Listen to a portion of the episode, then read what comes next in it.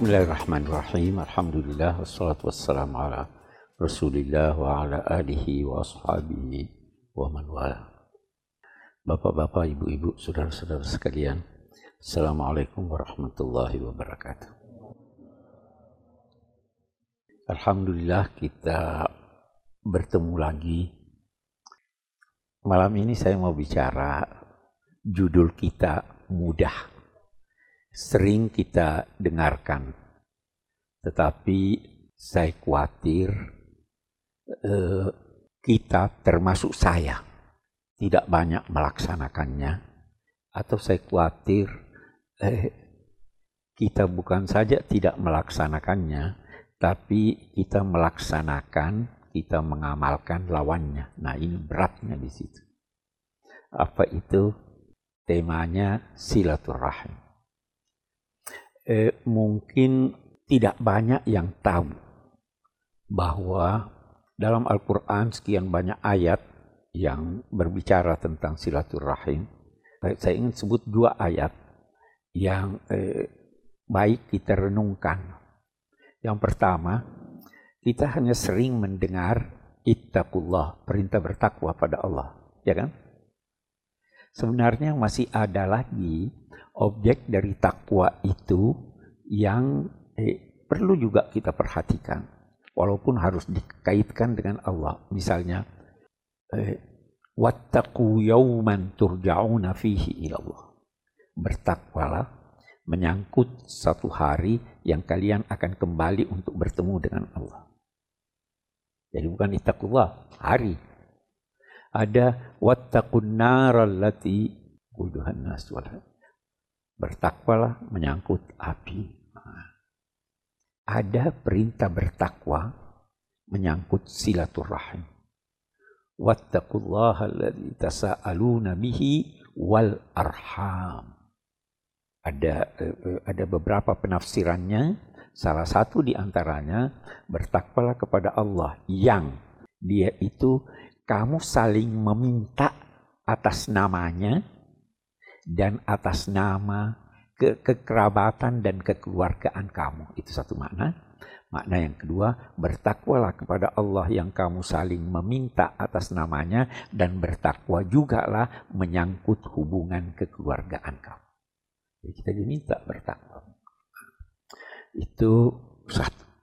Uh, dari hadis-hadis Nabi pun, sebelum sampai ke hadis, saya ada ayat yang lain yang saya ingin katakan. Ada ayat yang saya khawatir paling tidak sebagian kita uh, dikecam oleh ayat itu. Itu ayat di surat Muhammad. Allah berfirman, "Fahal asaitum in tawallaitum an tufsidu fil ardi wa tuqatti'u arhamakum." Apa maknanya? Paling tidak ada dua makna.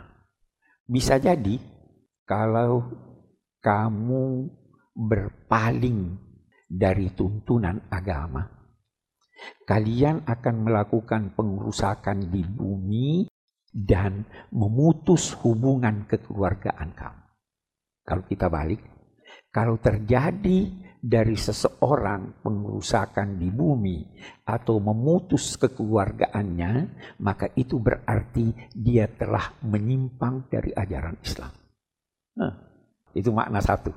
Makna yang kedua, apakah jika kamu diberi kekuasaan di bumi, kamu akan melakukan pengurusakan dan memutus hubungan kekeluargaan kamu. Nah, ini sebagian kita terjadi. Alangkah banyaknya orang yang kita ketahui yang putus hubungan, bukan cuma putus hubungan dengan keluarganya yang jauh, putus hubungan persaudaraannya, putus hubungan kasih antara suami istri gara-gara ini pilih ini, itu pilih ini. Ya kan?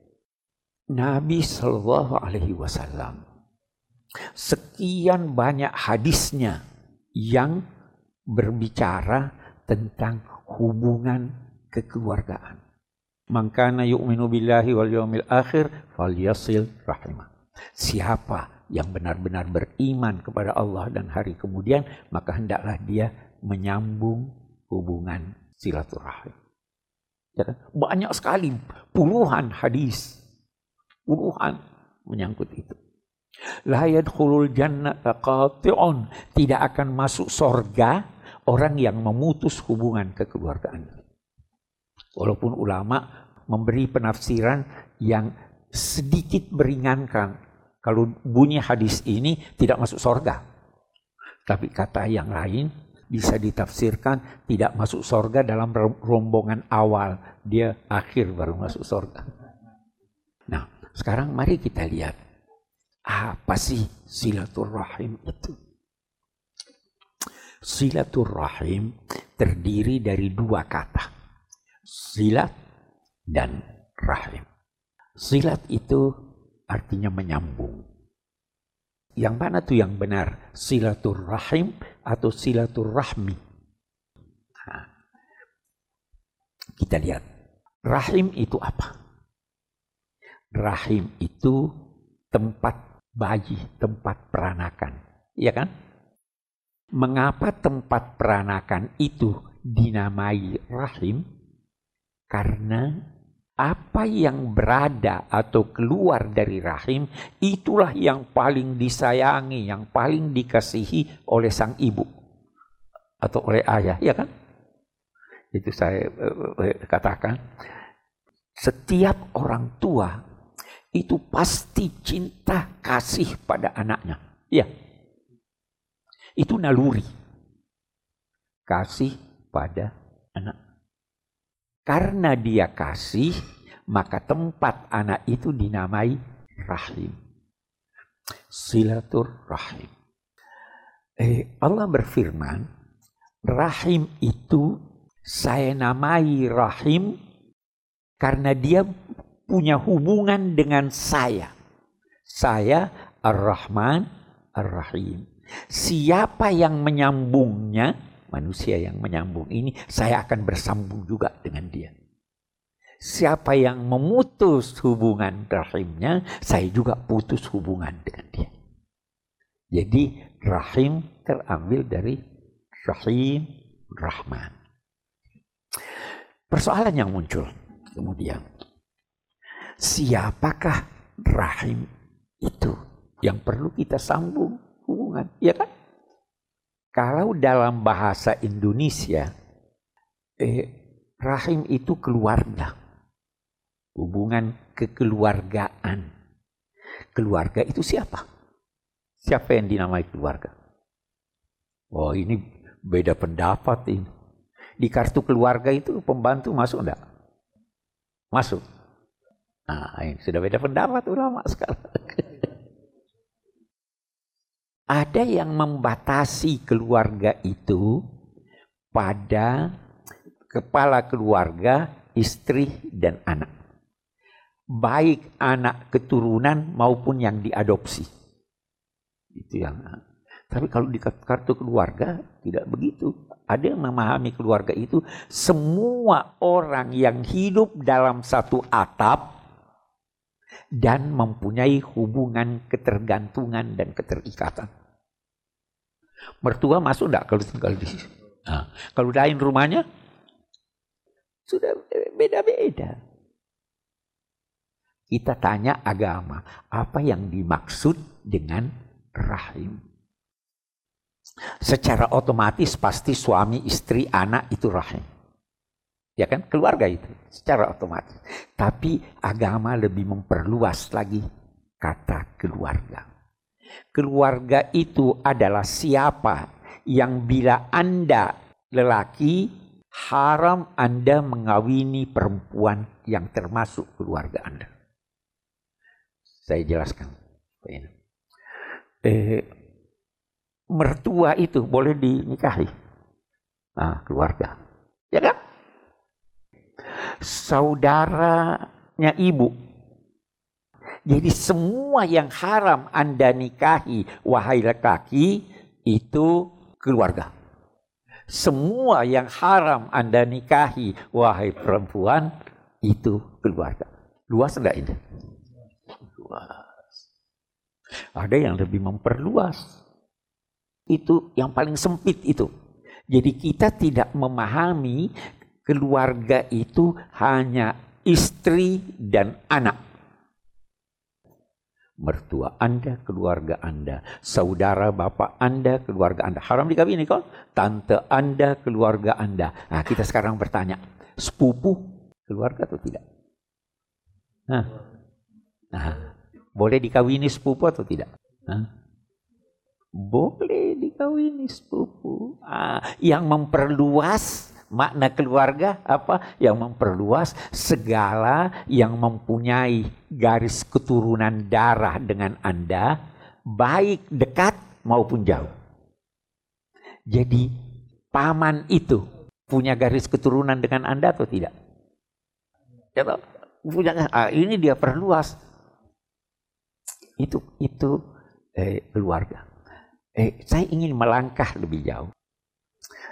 Eh, keluarga itu, apa pun yang kita namakan rahim, itu diciptakan oleh masyarakat atau diciptakan oleh naluri manusia.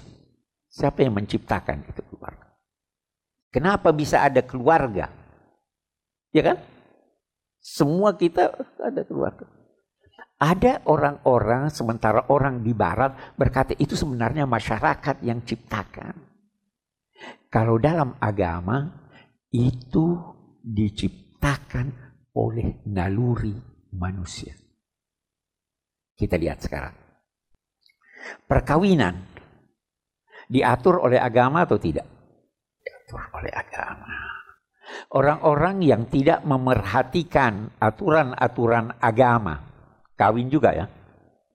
Kawin atas dasar apa? Bukan agama.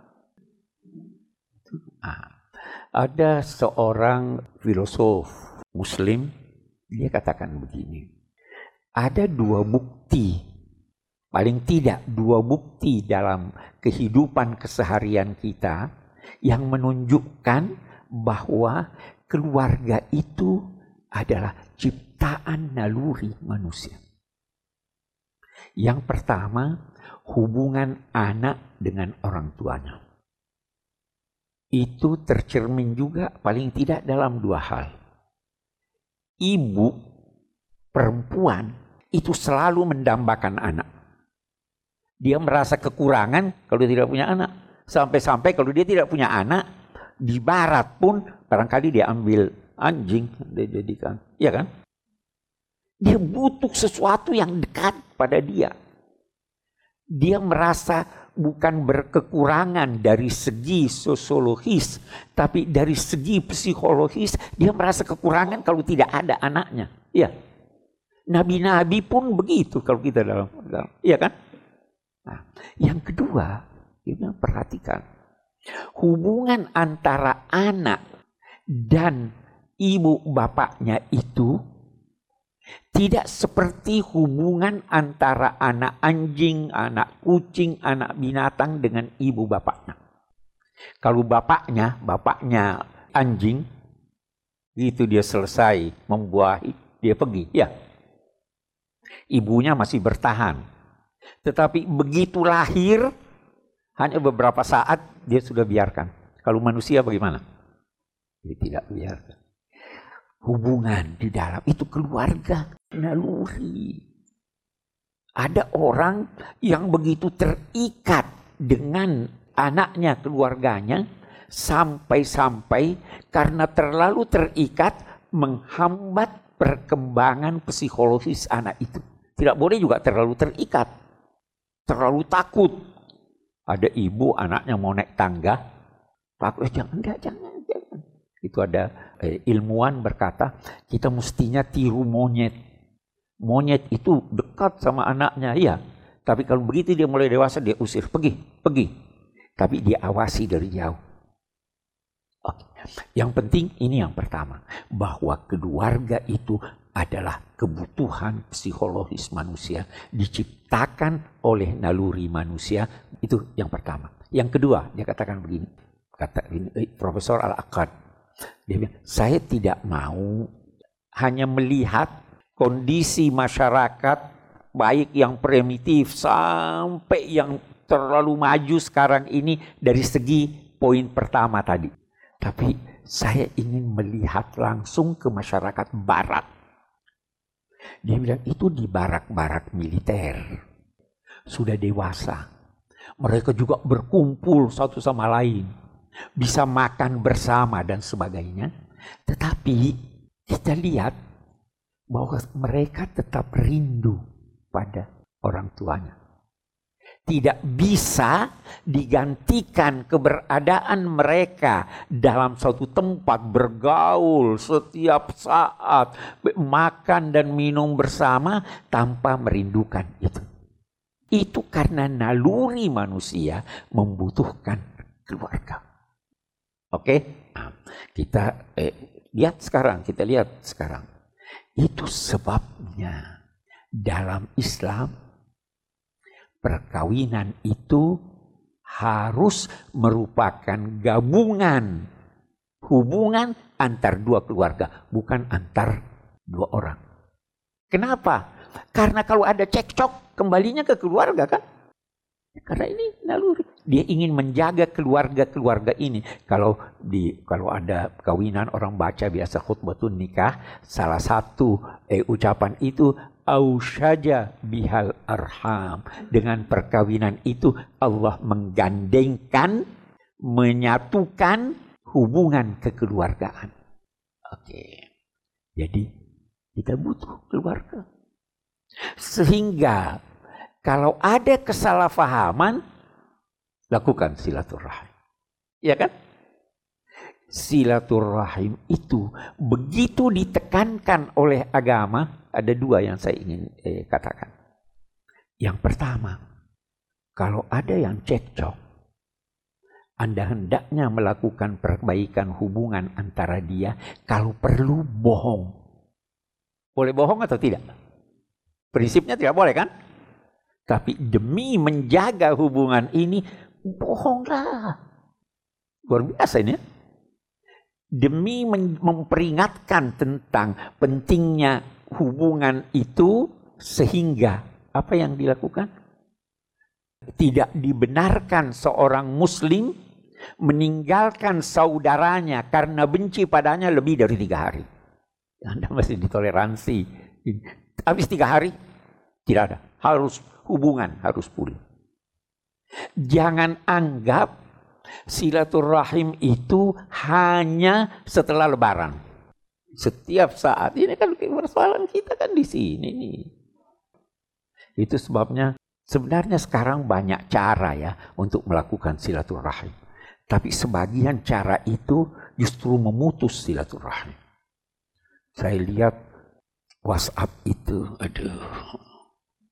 Ada enggak yang putus silaturahim melalui WhatsApp? Anda, tanpa sadar memutus hubungan orang melalui ini kan. Padahal itu mestinya jadi jadi alat kan untuk menghubungkan. Saya ada beberapa grup. Terus terang sebagian saya tidak pernah baca. Tapi saya mau eh, anu, saya mau menarik diri dianggap nanti putus silaturahim. Jadi biar aja deh. Tapi ada juga yang bagus-bagus kita tambah ilmu, kita tambahin, iya kan? Oke, sekarang kita sudah kita, sudah bisa memahami betapa pentingnya silaturahim itu karena dia adalah kebutuhan jiwa kita, bukan hanya kebutuhan karena kita bermasyarakat. Oke. Sekarang kita eh, lihat lebih jauh. Untuk menghubungkan kekeluargaan itu melakukan silaturahim itu banyak caranya. Ulama-ulama berkata, yang pertama, coba tanya kabarnya bagaimana. Anda itu walaupun tidak, eh apa kabar? Itu sudah silaturahim itu, ya kan? Ngomong dong. Nah, eh memang kita biasa kalau ditanya apa kabar, selalu jawabannya ya baik-baik saja, alhamdulillah, ya kan? Tapi sebenarnya bukan itu yang dimaksud dengan apa kabar. Eh, bagaimana keadaanmu? Ada problem atau tidak? Sakit atau tidak? Itu itu sebenarnya tujuan tanya. Atau salam. Anda tidak ketemu dia, tanya temannya, bagaimana kabarnya? Tolong titip salam sama dia, doa. Itu sudah silaturahim. Ya kan? Anda ketemu orang ini tidak sebut-sebut dia, tidak ingat dia. Gak benar dong. Kalau Anda tanya apa kabarnya, Anda tahu keadaannya, maka kalau dia senang, Anda bersyukur. Alhamdulillah. Kalau dia dalam keadaan susah, Anda berusaha membantu. Akhir silaturahim. Karena itu salah satu bentuk silaturahim, kirim hadiah. Nah, salah satu bentuk silaturahim berusaha menunjuki dia jalan yang benar. Hei, ini keliru, ini mestinya begini. Itu silaturahim. Dan kalau tadi kita katakan ada ibu, ada bapak, ada mertua, ada menantu, ada ini segala, itu semua adalah kerabat, maka walaupun mereka telah meninggal dunia, Anda masih wajib bersilaturahim kepadanya. Nah, kita tanya sekarang. Saya tidak mau dengar jawabannya. Masing-masing menjawab sendiri. Kalau orang tua Anda sudah meninggal, masih silaturahim atau tidak? Saya tidak berkata harus ke kuburannya. Tapi doa. Masih baca fatihah enggak buat dia? Masih memelihara tidak hubungan baik dengan teman-teman ayah saudara? Tidak bersilaturahim. Itu ada Eh, Abdullah ibni Umar ada riwayat itu Abdullah ibni Umar di suatu waktu jalan dia bertemu dengan satu orang jalan kaki Abdullah ibni Umar naik keledai dia turun dari keledainya dia katakan naik di sini dia punya serban dia kasih serbannya temannya Abdullah ibni Umar berkata dia kan sudah terbiasa itu jalan kaki Kenapa kamu kasih ini? Dia bilang, ini orang dulu selalu dengan ayah saya, Umar bin Khattab. Jadi saya kasih dia. Saya hormat sama orang tua saya. Silaturahim. Itu Aisyah, Aisyah istri Nabi. Itu tidak cemburu pada istri-istri Nabi yang lain yang masih hidup. Cemburunya sama siapa? Kenapa dia cemburu? Karena Nabi selalu ingat teman-teman Khadijah. Pernah Nabi marah. Itu orang tua sudah keriput, kamu masih ingat dia. Tuhan sudah ganti buat kamu yang lebih cantik, lebih muda dan sebagainya. Kata Nabi, tidak ada yang bisa ganti saya. Dia membantu saya waktu saya terjepit. Dia memberi saya anak yang tidak diberikan oleh istri-istri yang lain. Bagaimana saya mau lupa dia? Ada saudaranya Khadijah pakai sendal. Kalau sendalnya dia jalan itu bunyinya khas. Nabi dengar, ya Allah, seperti terompanya Khadijah.